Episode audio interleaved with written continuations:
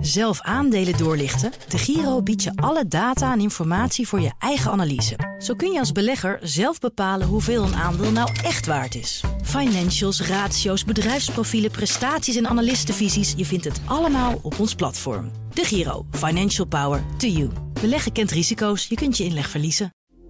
Dit is een BNR podcast. Doorgelicht wordt mede mogelijk gemaakt door de Giro. Financial Power to you.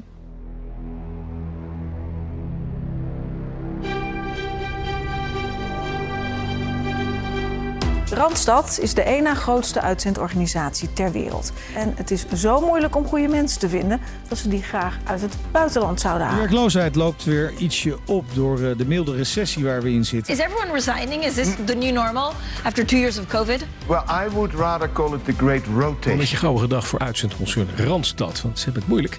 In het derde kwartaal heeft het bedrijf last van moeilijke economische omstandigheden wereldwijd. Wie naar een eh, flexbaan zoekt, die komt misschien wel terecht bij dit uitzendbureau, Randstad. In deze aflevering van Doorgelicht richten wij de schijnwerper op een van de grootste uitzendbureaus ter wereld, zodat jij als belegger kan bepalen wat een Randstad-aandeel nou echt waard is. We vertellen je het verhaal achter het bedrijf en we geven je een fundamentele analyse.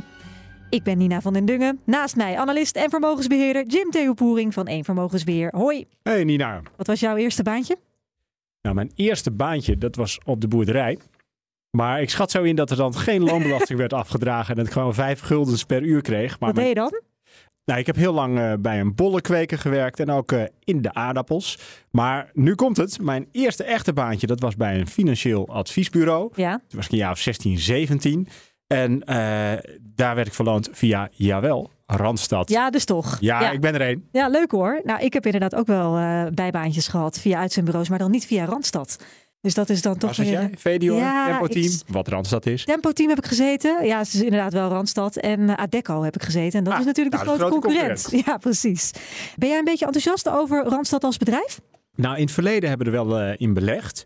Ehm, en ik ben er ook, eh, nou laat ik het anders zeggen, je hebt het aandeel en bedrijf natuurlijk. En over bedrijf ben ik heel enthousiast. Mooi wereldwijd gespreid, wereldwijd aanwezig. Nou ja, hè, een koppositie wereldwijd ook. Ze zijn ook heel goed voor hun eh, mensen, eh, hebben ook een goede ESG-agenda. Dus heel veel plussen voor Randstad. En het leuke is natuurlijk, het is een echt oer-Hollands bedrijf. Ja, en nog steeds een van de grootste uitzendbureaus ter wereld. Hè?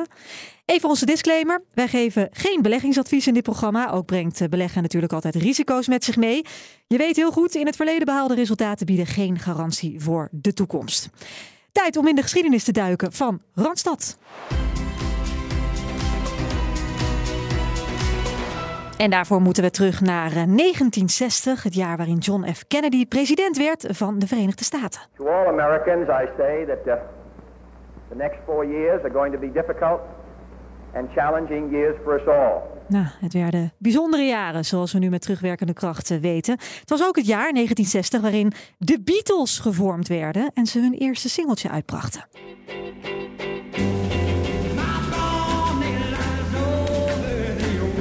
Je kan het maar bijna niet verstaan. Zingt hij wel? Ja, hij zingt. Was jij een eh, Beatles-fan? Nou, dit is ook eh, net zoals voor jou ver voor mijn tijd. Maar ik heb eh, later natuurlijk heel wat Beatles-nummers gehoord en vind ze erg goed. Ja. Sgt. Pepper, mooie plaat ook. Ja, is het ook, zeker. In Nederland schrijft Frits Goldsmeding op dat moment zijn scriptie. Hij is economiestudent aan de Vrije Universiteit van Amsterdam. En zijn scriptie gaat over uitzendwerk. Tijdens het schrijven komt Goldsmeding erachter dat er eigenlijk amper literatuur is over uitzendwerk. Laat staan dat er echte uitzendbureaus zijn. In 1960 is voltijd werken onder een vast contract gewoon de norm. Dat kan anders, denkt hij. Hij besluit om eh, samen met studiegenoot Gerrit Dalebout een eigen uitzendbureau te starten. Kort daarna worden in het studentenhuis van eh, Goldsmeding aan de Sloterkade in Amsterdam flyers uitgebracht voor uitzendbureau Amstelveen. De naam Randstad die kwam pas later. Uitzendbureau Amstelveen gaat van start en al in het eerste jaar, dus 1960, wordt er winst gemaakt. En dat is een heel groot bedrag, hè Jim?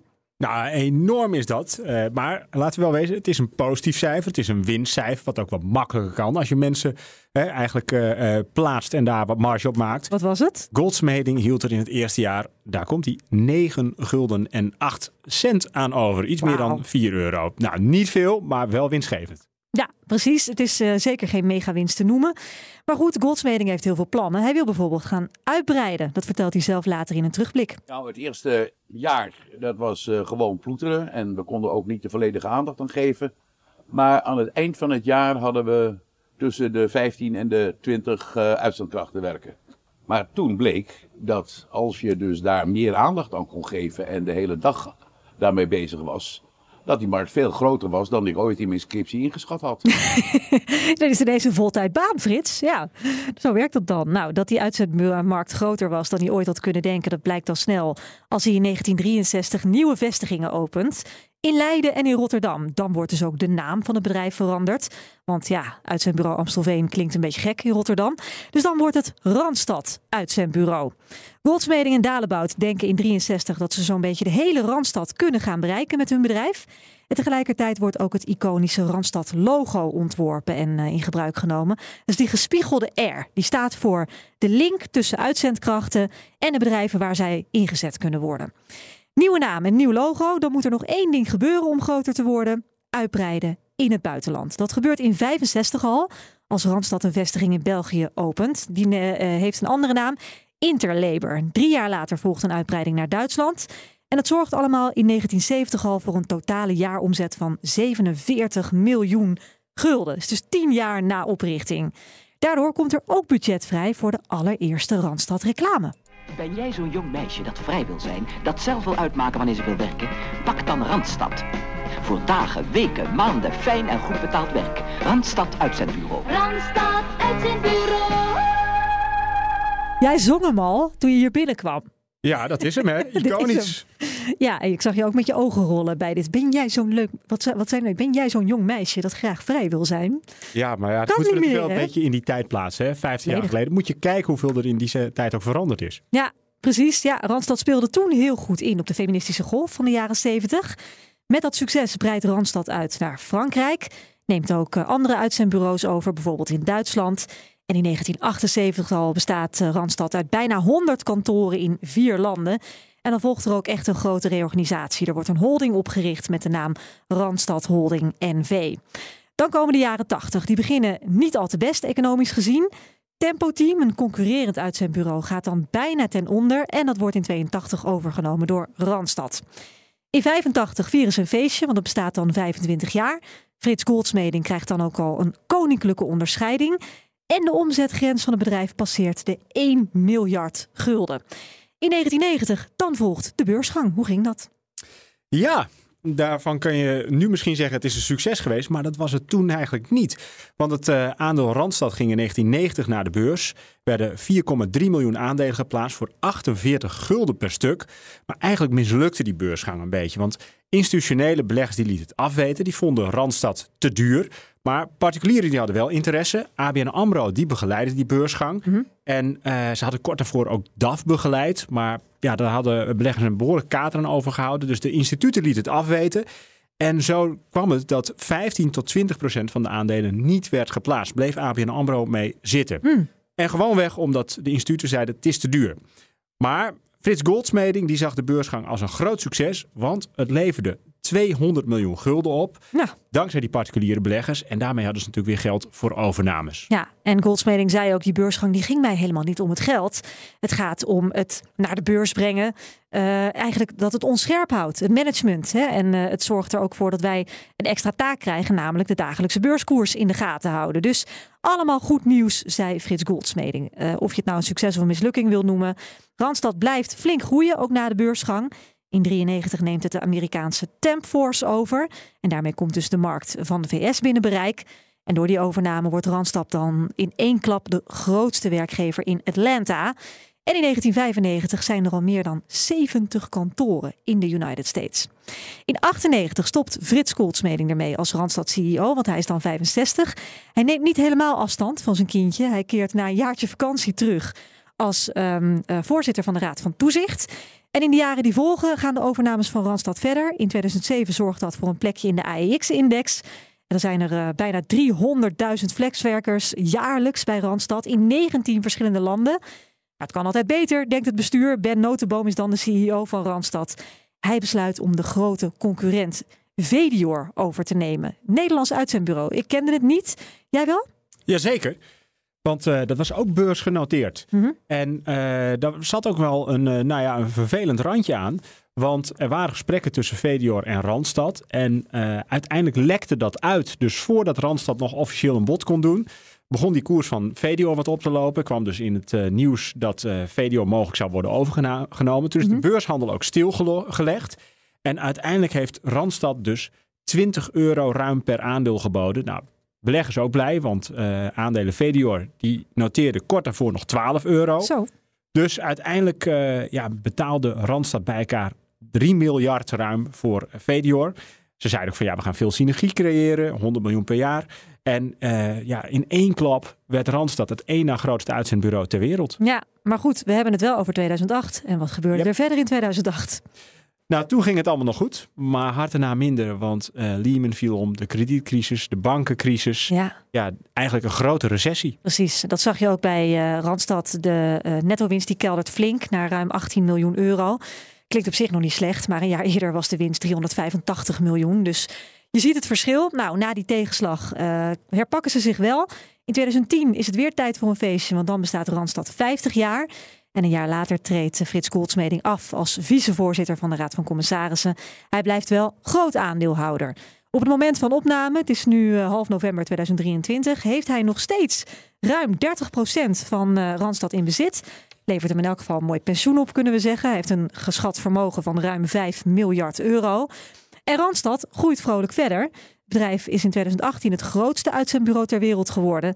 In het eh, derde kwartaal was de omzet van Randstad 0,2% hoger dan dat van de grote concurrenten. Dat is inderdaad, we hadden het er al over, Adecco uit Zwitserland.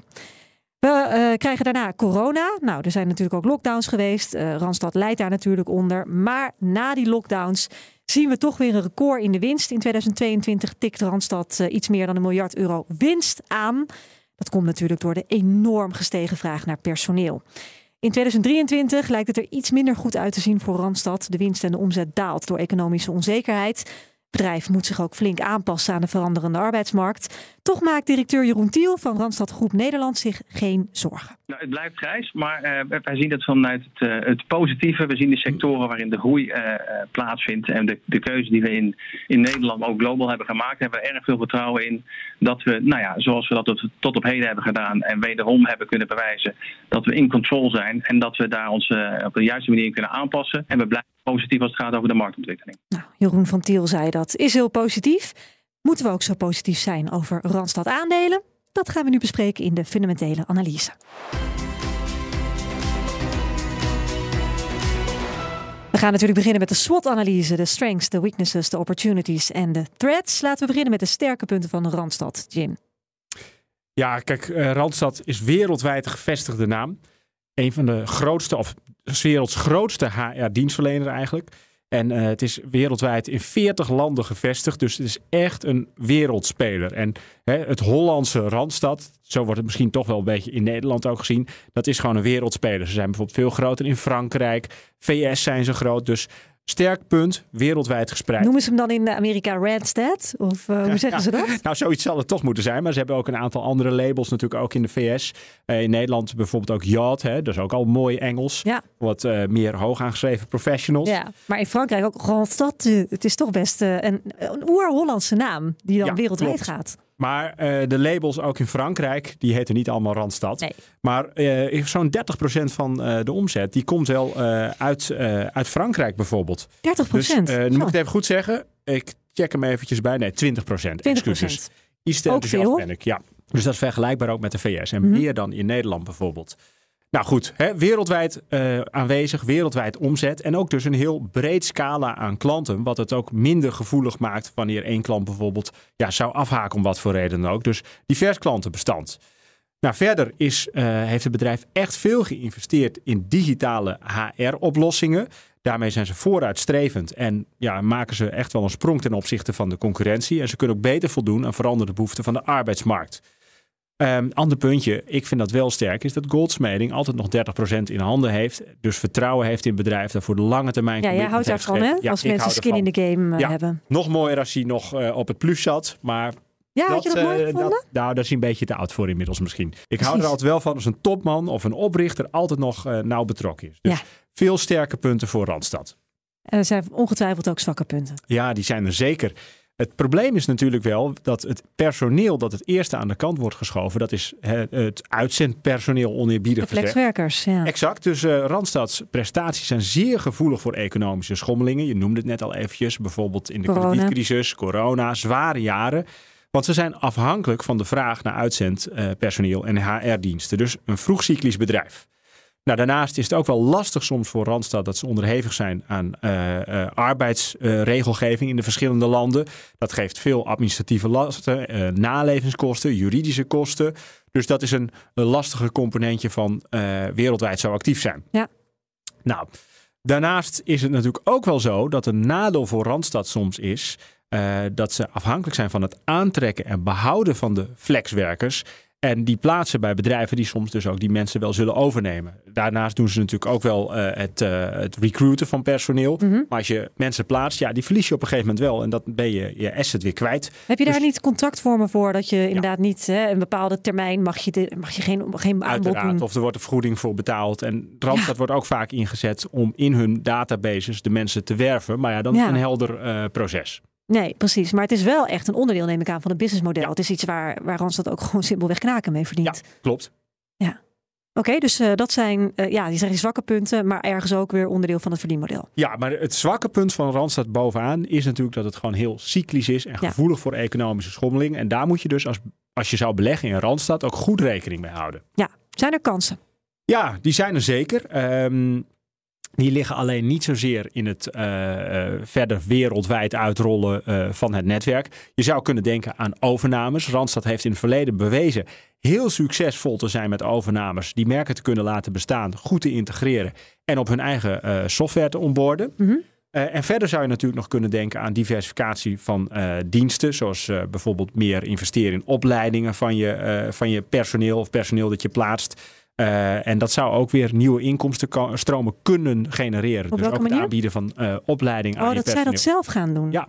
Want het, eh, ik wou zeggen, het, het, het, is duur om je personeel op te leiden. Maar als je het zelf Nou, in en ook als je beheer kunt doen. in beheer doet, maakt het natuurlijk ook dat je waardevolle krachten weer hebt voor je klanten. Ja. Dus het zelfstandig verder trainen en scholen van je medewerkers zou een manier kunnen zijn om je positie als Randstad nog verder te verstevigen en unieker te maken. Ja. Maar goed, hè, dat is onze inschatting. Kijk, daar denken ze bij Randstad zelf natuurlijk ook over na. Gaan we wel vanuit, ja. doorgaan met acquisities, dat maakt eh, de naam Randstad en eh, de aanwezigheid Randstad en de omzet nog sterker. Ja, dat zijn kansen, bedreigingen. Ja, die zijn er zeker ook. Eh, we hebben hem al een beetje genoemd bij de, eh, bij de zwakke punten. Ja, het wegvallen van, eh, van, van, van medewerkers en verlies van personeel aan de eigen klant. Want dat betekent wel iedere keer weer dat je een, een nieuw Nieuwe personeelslid moet recruiten. Ja. Daarnaast heb je natuurlijk wel veranderingen in de arbeidsmarkt of demografische verschuivingen, arbeidstekorten die we ook behoorlijk hebben gehad natuurlijk de afgelopen jaren. Die hebben echt wel invloed op de eh, beschikbaarheid van personeel en ook de prijs waar je tegen ze in de markt kunt zetten. Dus ja, het aanbod van arbeid, dat is een eh, lastig punt. En aan de andere kant ook de vraag naar arbeid. Nou, Ja. Dat maakt dus wel dat Randstad behoorlijk gevoelig kan zijn voor economische conjunctuur, vraag en aanbod. Ja. Als ik dan heel even naar, naar Nederland kijk, dan zien we een eh, nou, flinke explosie eigenlijk de afgelopen jaren in het aantal ZZP'ers. Mensen die voor zichzelf beginnen. Mhm. Is dat niet ook een bedreiging voor Randstad? Dat eigenlijk mensen denken van, nou ja, als ik mezelf inschrijf bij de KVK, dan ik, ik kan het wel zelf. Ik heb geen uitzendbureau nodig. Nou, daar heb, daar heb je inderdaad wel gelijk in. In de zin dat eh, mensen dan eh, natuurlijk wel het gevoel hebben van... hé, hey, mijn werkgever of indirecte werkgever... die betaalt eh 50 euro en ik krijg er maar 25 Ja. of 30. Dus ja, dat, dat, die gedachte is logisch. Aan de andere kant moet je niet vergeten dat ook de sociale premies... de sociale zekerheden, ja, die worden wel geboden door Randstad. Ja, Eh, als je ziek bent, krijg je doorbetaald. Exact. Daar moeten sommige mensen dan in praktijk nog achter komen. Hm. Ander punt is natuurlijk ook wel dat, eh dan hebben we specifiek over Nederland, dat het door de overheid steeds minder aantrekkelijk wordt gemaakt om als zelfstandige eh, te opereren. Ja, die hebben liever dat je dan via een uitzendbureau werkt. Omdat je dan in elk geval verzekerd bent voor de meeste en dat, is- basisdingen. dat, is- dat klopt inderdaad. Dus eh, ja, dat, Dat is dat weer gunstig voor Randstad dan weer in de kaart. Maar Ja. dit, dat is eigenlijk ook een beetje wat we zeiden. Hè? Veranderingen in de arbeidsmarkt, wet en regelgeving. Daar ben Ja, je dat echt heeft gevoelig voor. Ja. Oké, gaan we eens even de boeken openen van eh, Randstad. Wat zien we?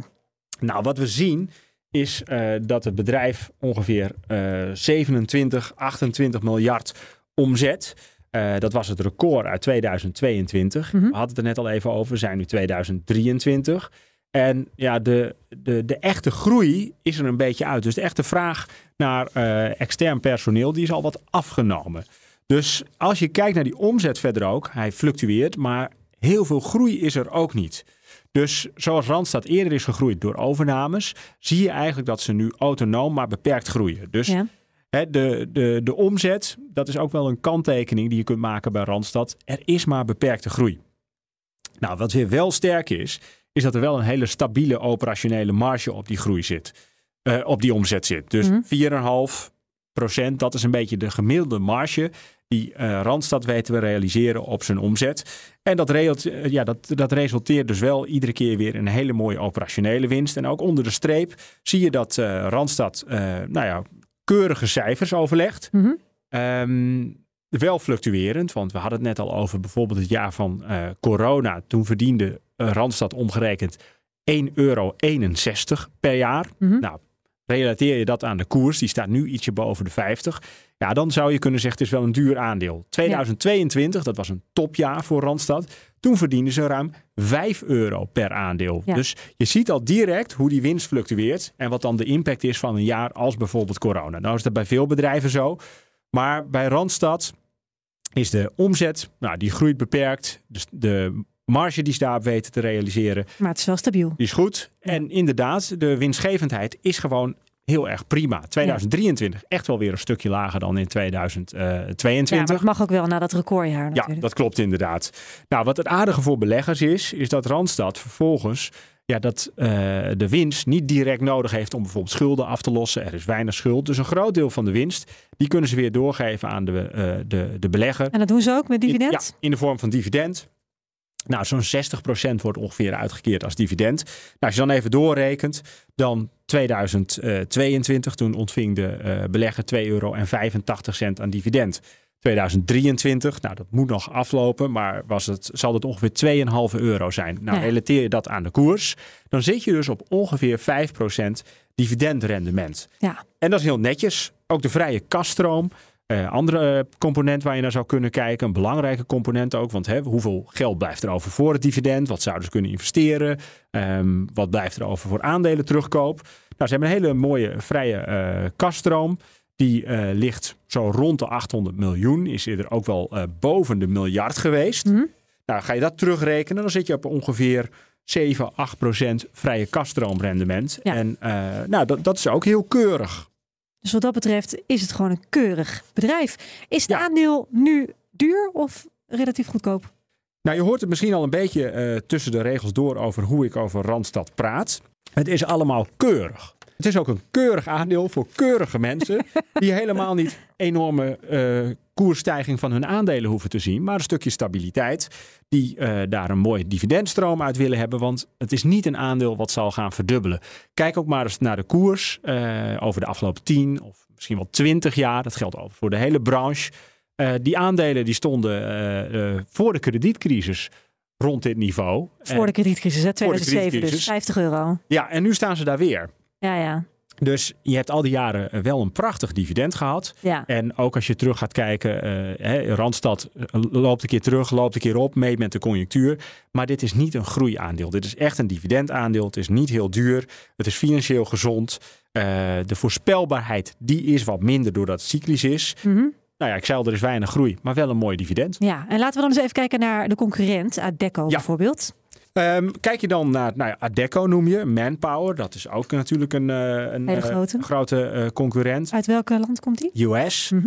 En dan zie je direct al wel dat Randstad is wel ja, echt de grootste. Niet zozeer in omzet, maar wel bijvoorbeeld in beurswaarde. En dat komt onder andere doordat ze weinig schuld hebben. Dus nogmaals, het is wel een financieel gezond bedrijf. Qua omzet is het zeer vergelijkbaar met Adecco.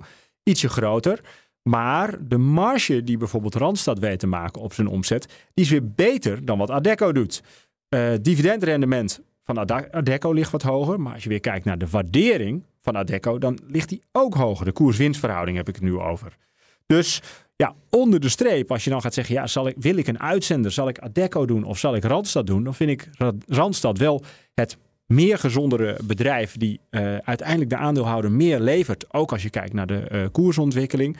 Dus hè, dan is het echt wel positief onder de streep eh, voor Randstad. Waarbij je Mhm. wel indachtig moet nemen dat het een cyclisch bedrijf is. Zit het economisch tegen? Ja, dan gaat Randstad eh, wel een tikkie krijgen. Hmm. Wat misschien ook nog wel het noemen waard is, is dat ze eh, op ESG-vlak echt goed scoren. Ja? Ja, ze zijn ook goed voor hun personeel. Mhm. Al die 600.000 mensen die ze verlonen of uitzenden of plaatsen.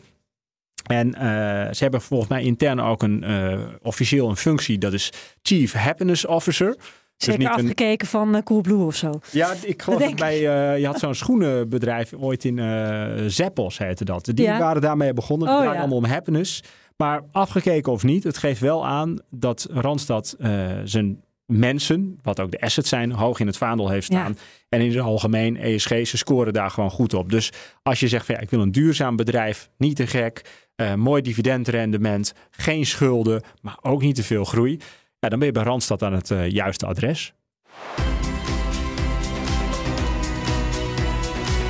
Normaal is dit het moment dat we een conclusie doen. Maar eigenlijk heb je hem al gegeven. Mag ik er nog een heel klein dingetje aan toevoegen? Dat jij dit misschien dan toch een tikkie saai aandeel vindt? Ja, ik vind het wel saai. Eh, dat, dat is zeker zo. Misschien, Gewoon omdat er niet zoveel misschien is wel een, gebeurt. een aandeel voor saaie mensen, dat klopt. Maar ik hou er wel van. Want ik zeg altijd zelf, saai is goed. Hè, nog iets wat ik net niet eens heb genoemd. Randstad koopt ook eigen aandelen in. 400 miljoen, komt er weer kapitaal terug naar de Oh ja. belegger. Dus ja, het, het is inderdaad doodsaai. Saai, maar goed. Ja, Ja. stabiel. Fijn aandeel. Ja, dus als je luistert je denkt, nou, ik ben eigenlijk ook saai. Ga dan eens kijken naar Randstad. Dit was voor jou, Randstad. Nina, natuurlijk. Hè, Ja, dan. tuurlijk. Dit was Randstad doorgelicht. Dankjewel voor het luisteren. In de volgende gaan wij naar een verzekeraar kijken. ASR Nederland. Ja, tipje van de sluier. Beetje saai, maar wel interessant. Gewoon dus, eh, kunnen we deze uitzending niet copy-pasten voor ASR? Nou moeten we wel eh, een paar dingetjes wijzigen, maar eh, we gaan het volgende week horen, Nina. Nee, zonder gekheid. ASR, eh, ik ben daar erg enthousiast over. Ehm, en ik denk ook dat het een aandeel is waar meer beleggers naar zouden moeten kijken. Oké, dit is een hele goede tease. Dat gaan we doen. Dank voor het luisteren nu. Abonneer je vooral als je dat nog niet hebt gedaan. Je kan ook een review eh, achterlaten. Dan weten meer mensen ons te vinden. Mijn naam is Nina van den Dungen. En ik ben Jim Theopoering. Tot volgende week.